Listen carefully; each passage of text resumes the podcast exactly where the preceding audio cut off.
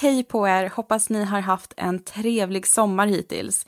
Vi vill börja med att tacka vår sponsor Bookbeat. Och den här veckan tänkte vi också tipsa om deckardrottningen Marie Ljungstedt. Hon har precis släppt sin andra bok i Gran Canaria-serien och boken heter Det förlovade landet. Och jag måste säga att Marie Ljungstedt är en av mina absoluta favoritförfattare och jag lyssnar på nästan alla hennes Gotlandsböcker. Och jag mm. har till och med faktiskt fått min sambo som hatar böcker att lyssna på några av hennes och till och med han blev helt fast och det kan jag lova, det säger ganska mycket.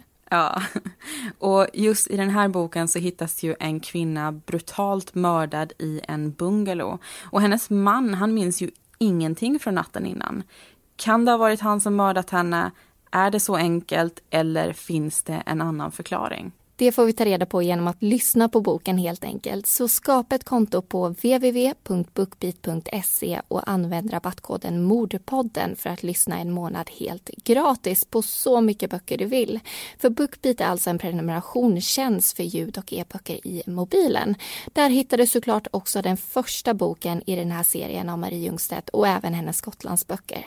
Men eh, nu kör vi igång veckans avsnitt av Mordpodden.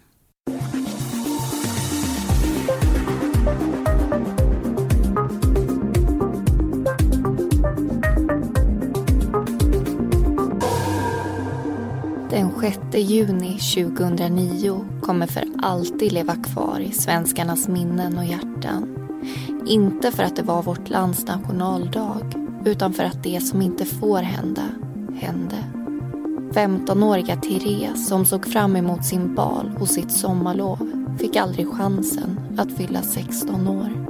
Hon följer med en person in i skogen. De ska bara prata. Men i hans telefon gömmer sig en sms-konversation där det står att han måste ta livet av Therese för att få sin före detta flickvän tillbaka. Och trots att han inte har någonting emot Therese är han villig att göra det som krävs.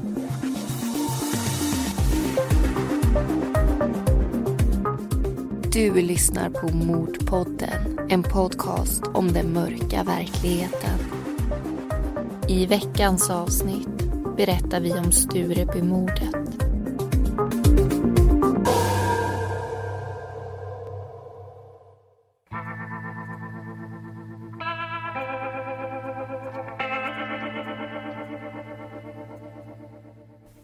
Oktober 2007 bestämmer sig Oliver och Lina för att de ska bli ett par. De är 14 år gamla. Ni vet den där åldern när man försöker förstå vem man är men fokuserar mer på vem man vill vara. Vem man borde vara. Ungdomar delas in i kategorier. Det finns de coola, de som alla vill vara med och försöker vara som. Sen finns det töntarna de som av någon märklig anledning anses vara mindre värda. Personer man försöker undvika för att inte själv få den stämpeln. Och så finns det de i mitten. De som bara glider med och inte riktigt tillhör de coola men som ändå inte halkar ner till lägsta nivån. Det här är kategorier som ofta uppkommer under högstadiet men som suddas ut med tiden i framtiden är det kanske en av de så kallade töntarna som kommer ha den framgångsrikaste karriären och det lyckligaste livet. Medan en av de populära redan har haft sin glansperiod under högstadiet. Problemet är att man inte inser det under de här åren. Man tror att livet alltid kommer se ut som det gör då. Att de vänner man har alltid kommer stå vid en sida. Att tonårsproblemen aldrig kommer försvinna och att ens ungdomskärlek kommer vara den man delar resten av sitt liv med. Oliver och Lina tror just det. Att det inte finns någon annan partner som väntar på dem i framtiden. Det är meningen att det ska vara de två. Och det får ingen förstöra. Men de har långt ifrån ett välmående förhållande. I början spirar förälskelsen och allt känns bra. Men sakta men säkert börjar fjärilarna försvinna och svartsjukan smyger sig fram från båda håll. Tilliten finns helt enkelt inte riktigt där.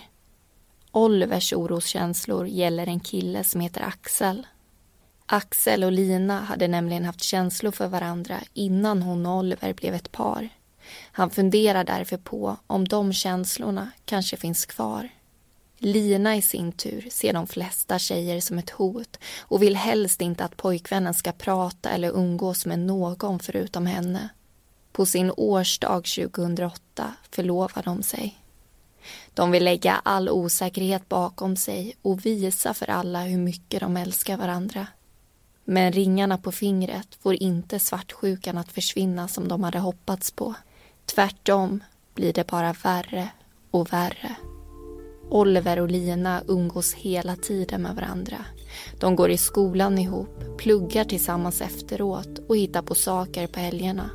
Gör de inte det blir det bråk. Oliver glider mer och mer ifrån sina kompisar. Han har alltid gillat att festa men har nu helt slutat dricka alkohol.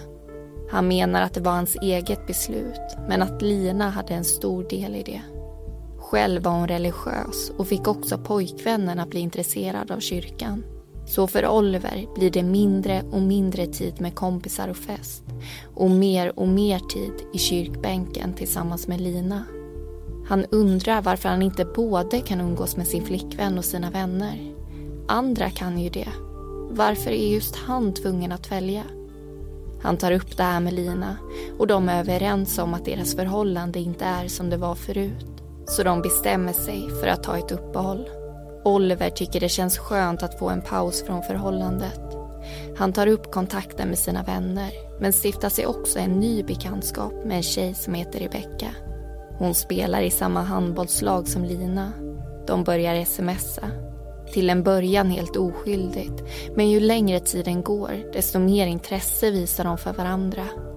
Rebecka är orolig att Lina ska ha någonting emot att hon träffar Oliver så hon frågar henne om det är okej. Okay. Det säger Lina att det är, men det var inte riktigt sanningen. En lördagskväll ska Rebecka och två andra sova över hos Oliver. De går till Konsum för att köpa godis.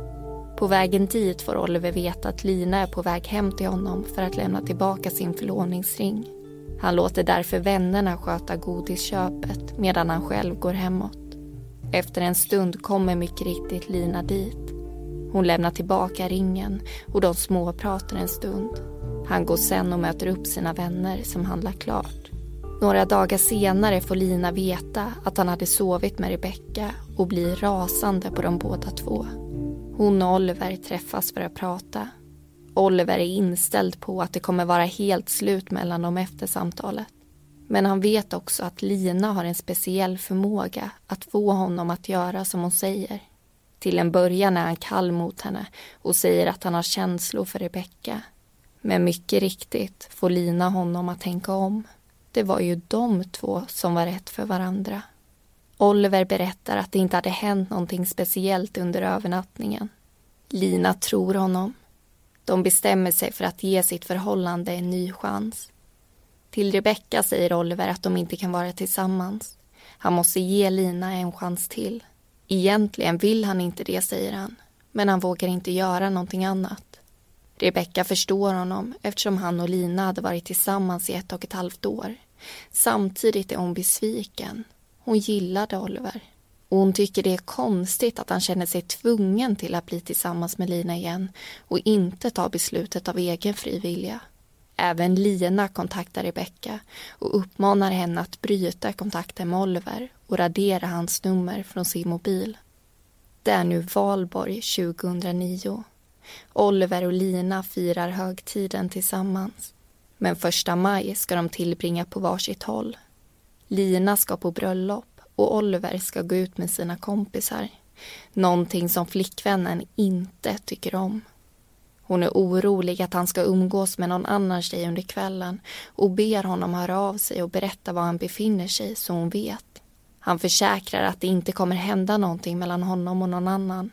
Men Lina ringer ständigt och skickar sms under kvällen i alla fall. Hon frågar var han är och vilka han har runt omkring sig. Till slut blir han trött på hennes tjat och stänger av mobilen. Han står och pratar med sina kompisar när han får syn på Therese som står en bit bort. En vacker tjej med långt svart hår som går i parallellklassen. Han går dit. De börjar prata och efter en stund kysser de varandra. Oliver har senare sagt i förhör att det skedde i ren frustration eftersom han var så trött på Lina. Han ångrar sig direkt efteråt. Han och Therese kommer överens om att inte berätta för någon om kyssen så han själv kan berätta för Lina. Men han klarar inte av det. Han förstår att det skulle innebära slutet på deras förhållande. Therese mår dåligt över det som har hänt och berättar för sina närmaste vänner om hur ledsen hon är. Det sista hon vill är att hamna i något bråk. Hon hatar konflikter och vill inte att Lina ska vara arg på henne. Men ett rykte om att hon och Oliver låg på festen börjar cirkulera och når till slut Lina. Hon konfronterar Oliver som förnekar att någonting har hänt. Men till slut får hon höra om kyssen. Hon är både arg för att han varit otrogen och för att han ljugit om det. Lina går raka vägen fram till Oliver i skolkorridoren. Jag vet att det är sant, säger hon och börjar slå honom i bröstet. Sen skallar hon honom så hårt att han börjar blöda och en del av hans framtand slås ut. Hon lämnar skolan och skickar ett sms till Oliver där det står att hon tänker hoppa framför tåget. Pojkvännen springer därför till tunnelbanan och möter henne på perrongen.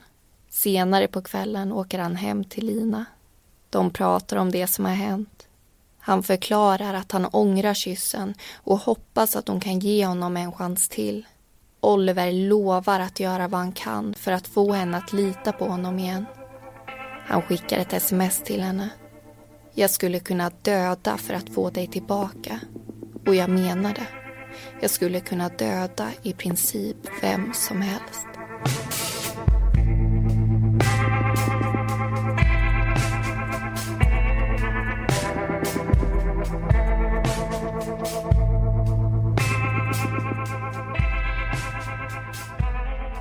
Det där var alltså första delen av Sturebymordet. Och i studion är det ju som vanligt jag, Linnea Bolin. Och jag, Amanda Karlsson, som berättar och diskuterar det här fallet. Och de avsnitten vi har tagit upp hittills i den här säsongen har ju varit ganska gamla och relativt okända. Men ouppmärksammat kan man definitivt inte kalla det här. Nej, Sturebymordet har ju fått en väldigt stor plats i medier och mm. Eh, har nog inte lämnat någon oberörd. Just för att det handlar om så unga personer. Och det är också ett väldigt unikt fall på många olika sätt. Ja, och det är faktiskt inte många mordfall om jag ska vara ärlig som har skett innan 2010 som jag kommer ihåg på grund av min ålder. Men just det här fallet satte verkligen sina spår i mig. Jag minns den här bilden på Therese som cirkulerar runt med den randiga tröjan och att jag satt och grät till videos på Youtube som hade gjorts för att fira minnet av henne. Och anledningen till att jag blev så berörd av just det här tror jag berodde på att jag kunde identifiera mig med henne. För jag var ju bara ett år yngre än Therese när det här hände och det fick mig att känna att det lika gärna kunde ha varit jag eller någon av mina vänner. Och ingen ska ju behöva dö så här ung och verkligen, verkligen inte på det här sättet. Nej, och det tror jag knappast att du var ensam om att känna heller.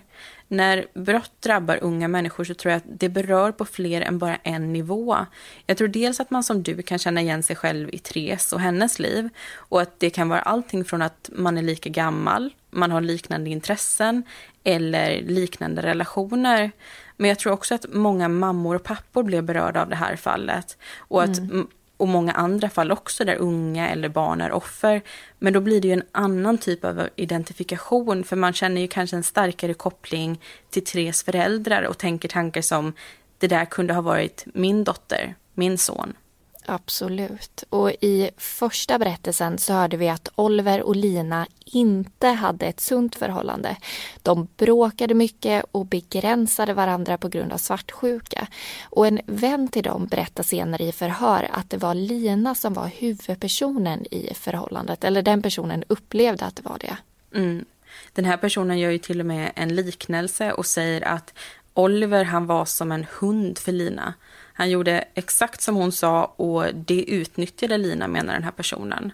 Lina bad exempelvis honom att hämta saker och hon bestämde vad han skulle köpa åt henne. Till exempel skor och kläder när hon själv inte hade råd.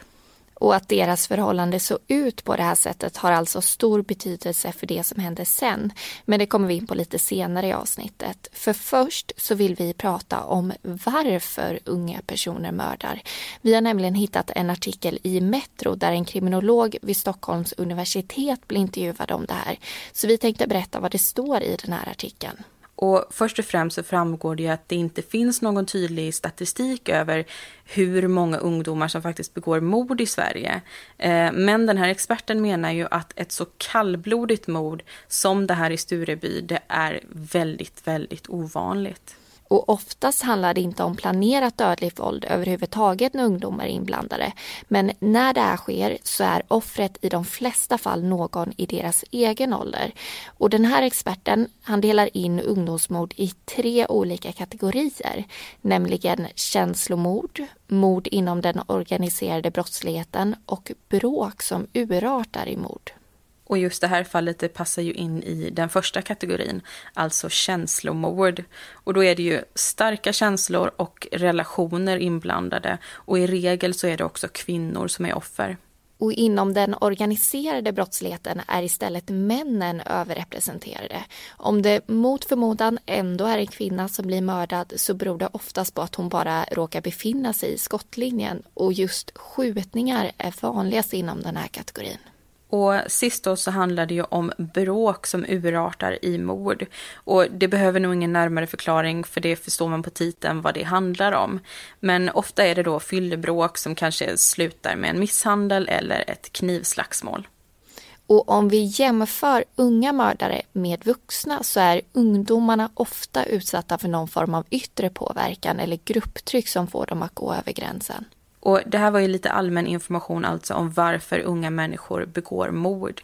Men eh, nu ska vi återgå till det här fallet. Och vi har ju förstått att Lina och Oliver, de är inne i en tuff period nu med både otrohet och tillitsproblem. Och vad deras lösning på det här är, det ska vi få höra nu.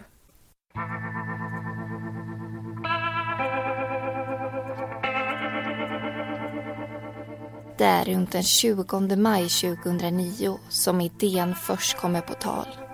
Idén om att ta livet av Therese. Oliver och Lina har olika versioner om hur det gick till. Lina menar att det var Oliver som sa det först. Att allt kanske skulle bli bättre om han såg till att Therese försvann. Men enligt honom var det Lina som sa att hon inte kunde lita på honom så länge Therese var i livet. Om hon inte dog skulle det aldrig kunna bli de två igen. Oliver menar att han först trodde att det bara slank ur Lina eftersom hon var så upprörd. Men när hon sa det för andra, tredje och fjärde gången förstod han att hon faktiskt menade allvar. Hon ville att han skulle döda Therese. Om han inte gjorde det så var det helt slut mellan dem. De skulle inte ens kunna vara vänner. För att visa att han tar hennes ord på allvar åker han till Trångsund för att kolla upp var Therese bor. Förhoppningsvis får det Lina att förstå att han älskar henne och skulle kunna göra vad som helst för hennes skull. I förhör har han sagt att han hela tiden hoppades att Lina skulle säga Det räcker nu, jag förstår att jag betyder mycket för dig. Men det kom aldrig. Så länge Therese var i livet så var Olvers försök inte bra nog. En morgon sitter Lina på tunnelbanan och ser Therese några säten bort. Lina skickar sms till Oliver där hon skriver att hon inte klarar av att se den 15-åriga tjejen och att hon ska dö. Hon får svar från Oliver. Ja, hon ska ju det. Idag. Lina frågar hur han ska gå tillväga. Han beskriver planen i ett sms. Jag vet precis hur jag ska göra. Jag ska be henne hitta min vodka. Sen ska jag säga att jag har ont i ryggen och då tar jag fram den. Och då kommer det vara perfekt läge när hon är nerböjd. Är fett taggad. Hörs imorgon bitti.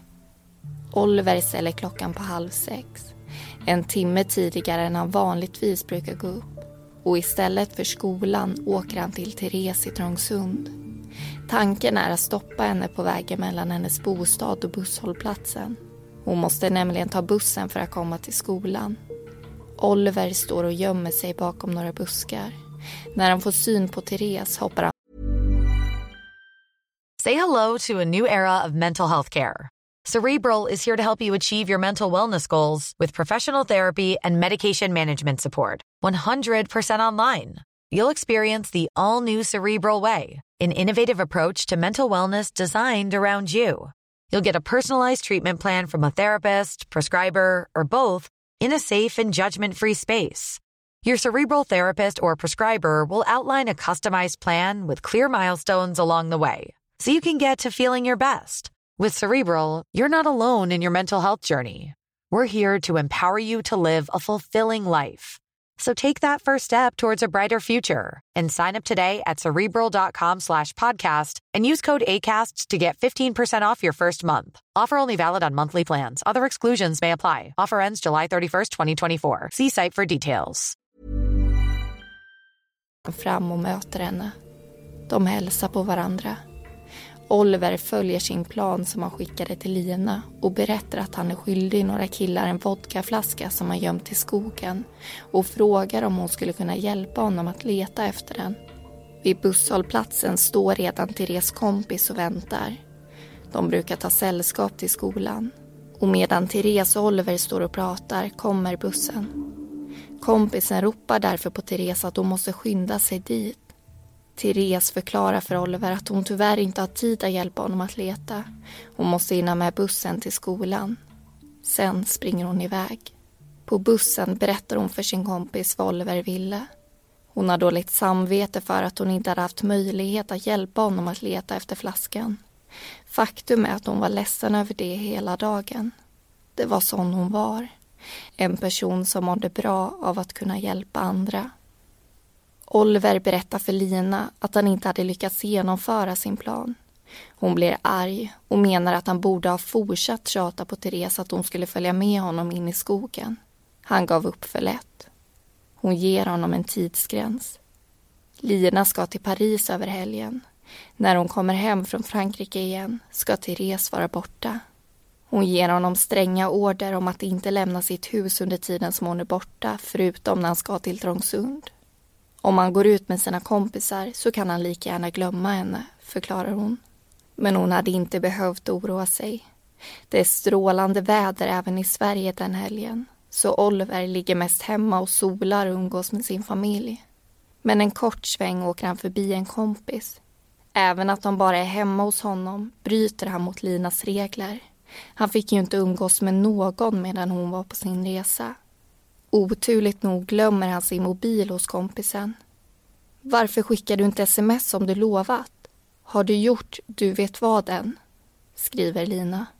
Olivers kompis blir nyfiken på varför det plingar så mycket i den kvarglömda telefonen. Han kan inte låta bli att kika. Men han förstår inte alls vad det är han läser. Det står någonting om en vodkaflaska.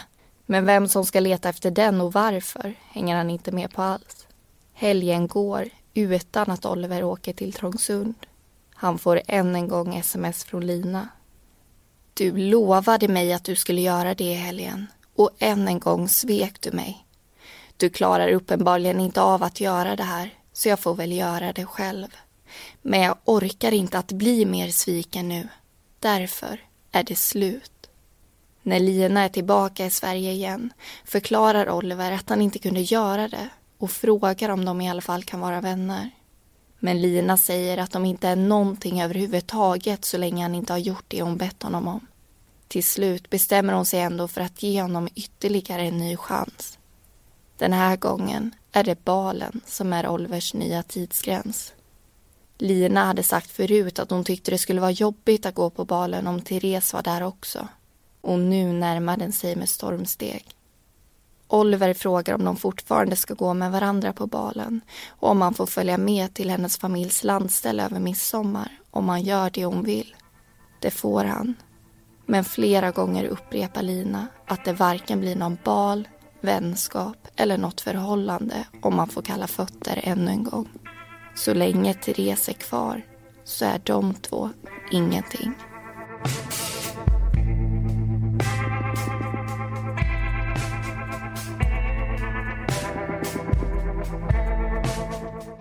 Säsong 4 är en huvudstadsspecial där alla mord vi tar upp har skett i Stockholm.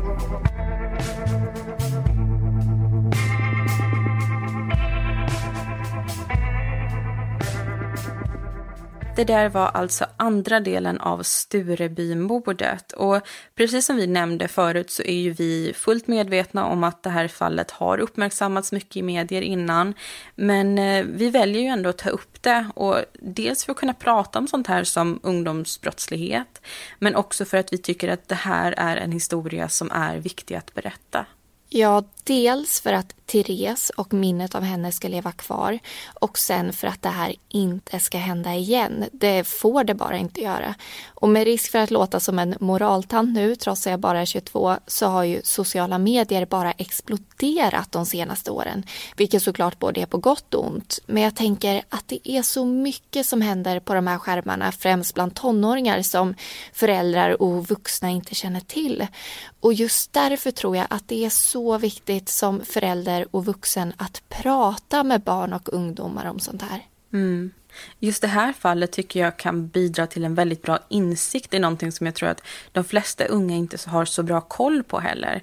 Nämligen mm. det här med känslomässig utpressning och manipulering och hur det kan trappas upp och få konsekvenser som man inte trodde var möjliga.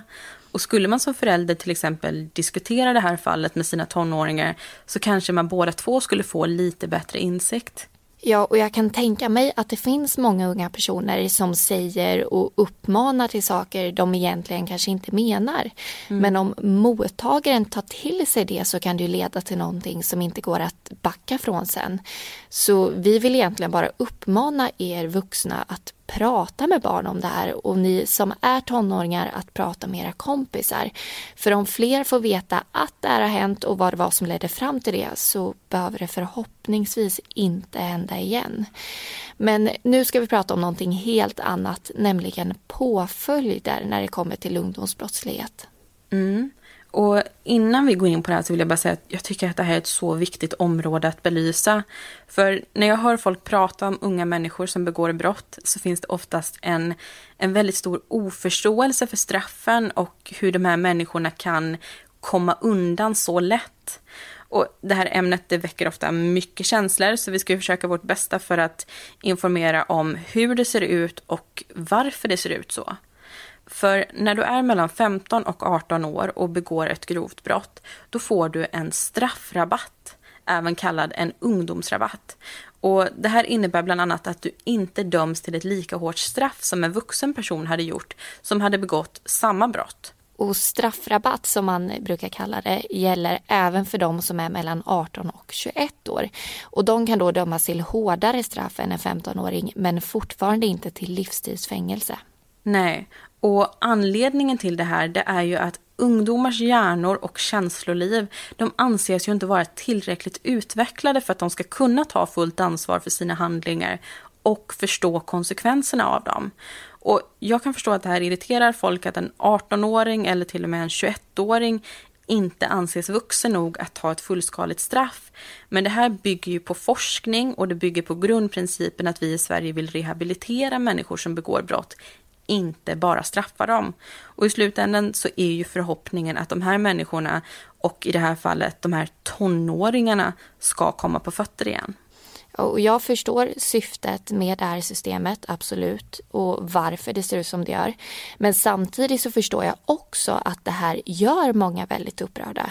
För oavsett ålder på gärningspersonerna kan man ju säga att offrets anhöriga blir straffade en hel livstid. De får ju ingen rabatt för det här. Nej. Och Therese i det här fallet, hon får ju aldrig sitt liv tillbaka.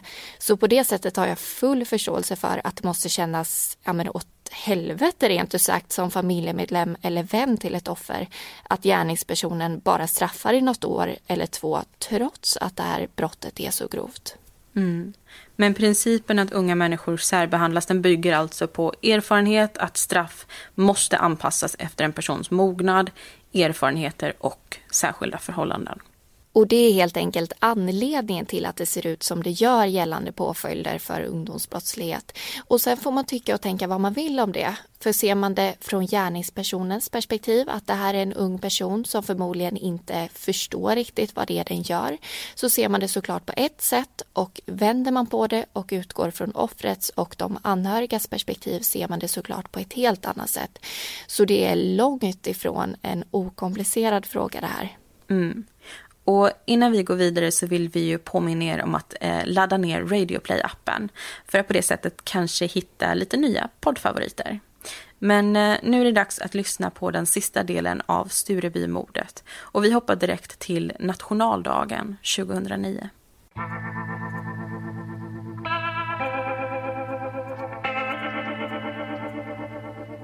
Det är den 6 juni 2009, Sveriges nationaldag.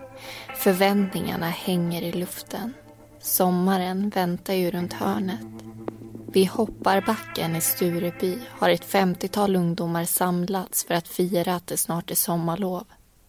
Och om bara fyra dagar är det bal. Den efterlängtade balen som så många av niondeklassarna räknar ner till. Bland annat Therese. Alla förberedelser är äntligen klara. Den perfekta klänningen bara väntar på att få användas. Men den skulle få hänga kvar. Och de fina skorna skulle inte heller få komma till användning. Och en 15-åring skulle inte hinna fylla 16 år. Oliver får veta att Therese ska komma till hopparbacken och han ser därför sin chans. Ett sms skickas väg till Linas telefon. Om hon är där fixar jag det ikväll. Annars tar jag reda på var hon är. Lina är hemma hos Axel tillsammans med några kompisar. De tittar på fotboll.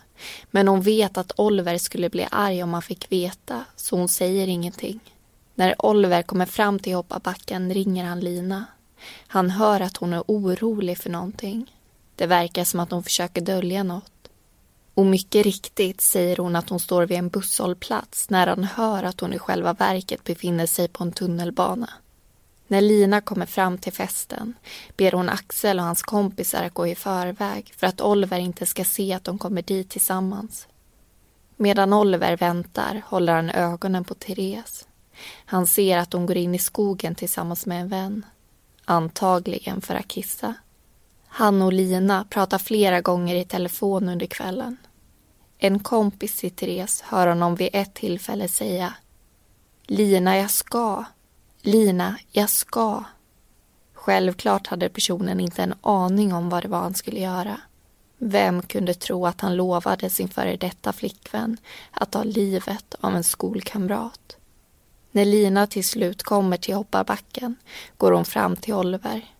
Hon säger att det här är hans sista chans och frågar om han tänker göra det. Vad Oliver svarar och hur resten av konversationen låter, det vet bara de själva. Lina är bara där en liten stund. Hon hälsar på Therese som berömmer hennes nyblonderade hår. Sen går hon hem till en vän. Oliver skickar ytterligare ett sms. Jag smsar dig när det är gjort. Oliver går fram till Therese. Han frågar om hon kan följa med honom in i skogen så de kan prata ostört om det som hänt mellan dem. Och visst kan de göra det. Hon ska bara säga till sin kompis att hon försvinner iväg en stund. De ska nämligen ta sällskap hem. Kompisen förklarar att hon bara har lite batteri kvar på sin telefon. Men Therese lovar att hon inte kommer vara borta länge. Efter en liten stund skickar hon ett sms. Jag kommer strax, står det. Inne i skogen säger Oliver att han vill veta varför så många visste om att de hade kysst varandra. De kom ju överens om att inte berätta det för någon. När Therese förklarar varför hon berättat det för sina vänner får Oliver känslan av att hon varken ångrar kyssen eller att hon berättat om den. Istället upplever han det som att hon hade haft som avsikt att förstöra mellan honom och Lina. Efter det är det som om det svartnar för hans ögon. Therese som är kraftigt berusad är tvungen att sätta sig ner på marken för att inte vingla omkull.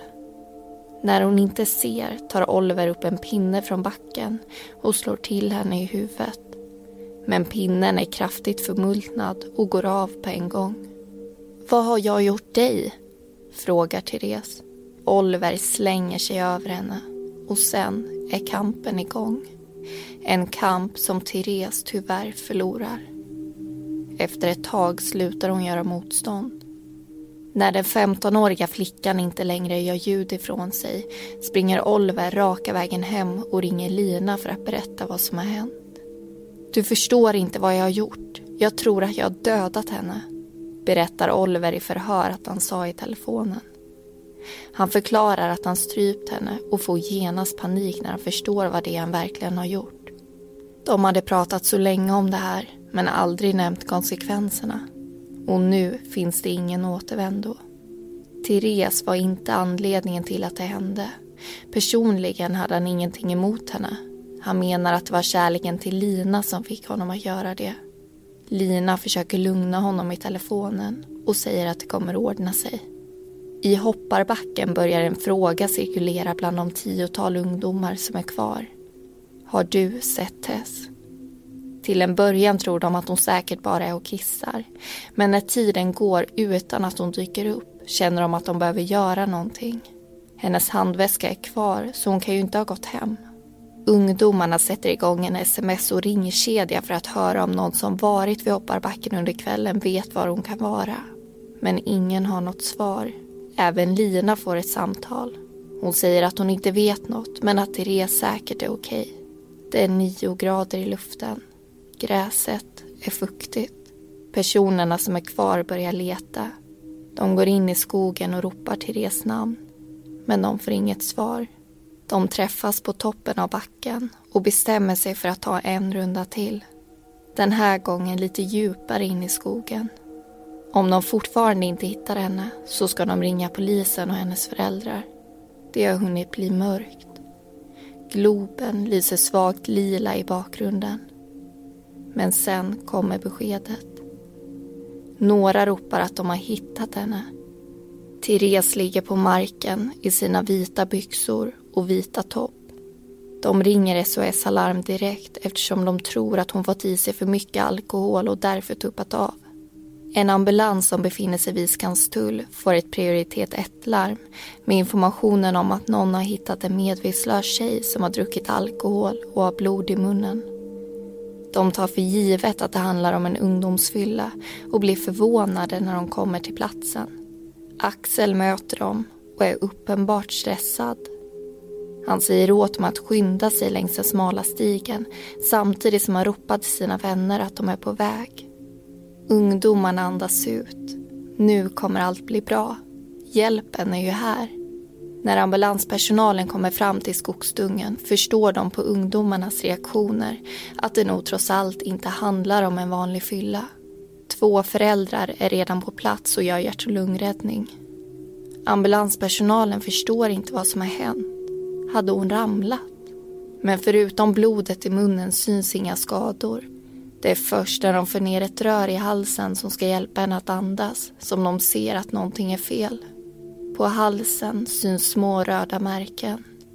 Polisen anländer snart också till platsen. Även de verkar ha väntat sig en ungdomsfylla. Men ambulanspersonalen förklarar att de nog borde se det här som en brottsplats. Den 15-åriga flickan har kvävts till döds.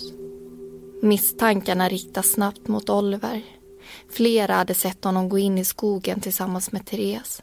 En motivbild växer fram och Lina blir också intressant för utredarna. Båda två anhålls. Han för mord, hon för anstiftan till mord. Till en början nekar de båda två. Lina påstår att hon inte har någonting med det här att göra. Men till slut erkänner Oliver. Det var han som hade dödat Therese. Och det var Lina som hade fått honom att göra det. Sanningen är svår för ungdomarna i hopparbacken att ta in. Till en början försöker de förstå att Therese är död. Sen kommer informationen om att hon blivit mördad. Och till råga på allt så är det två skolkamrater och vänner till dem som har gjort det.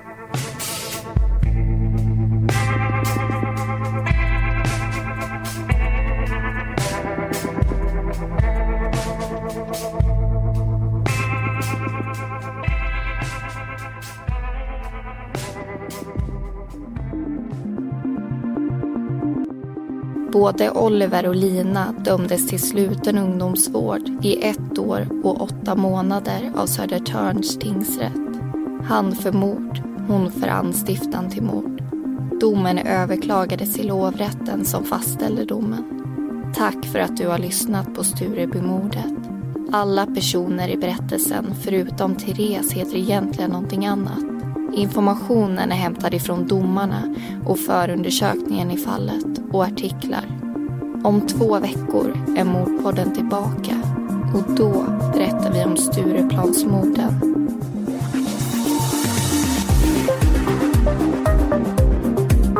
Du har lyssnat på Mordpodden. Vi som har gjort den heter Amanda Karlsson och Linnea Bolin.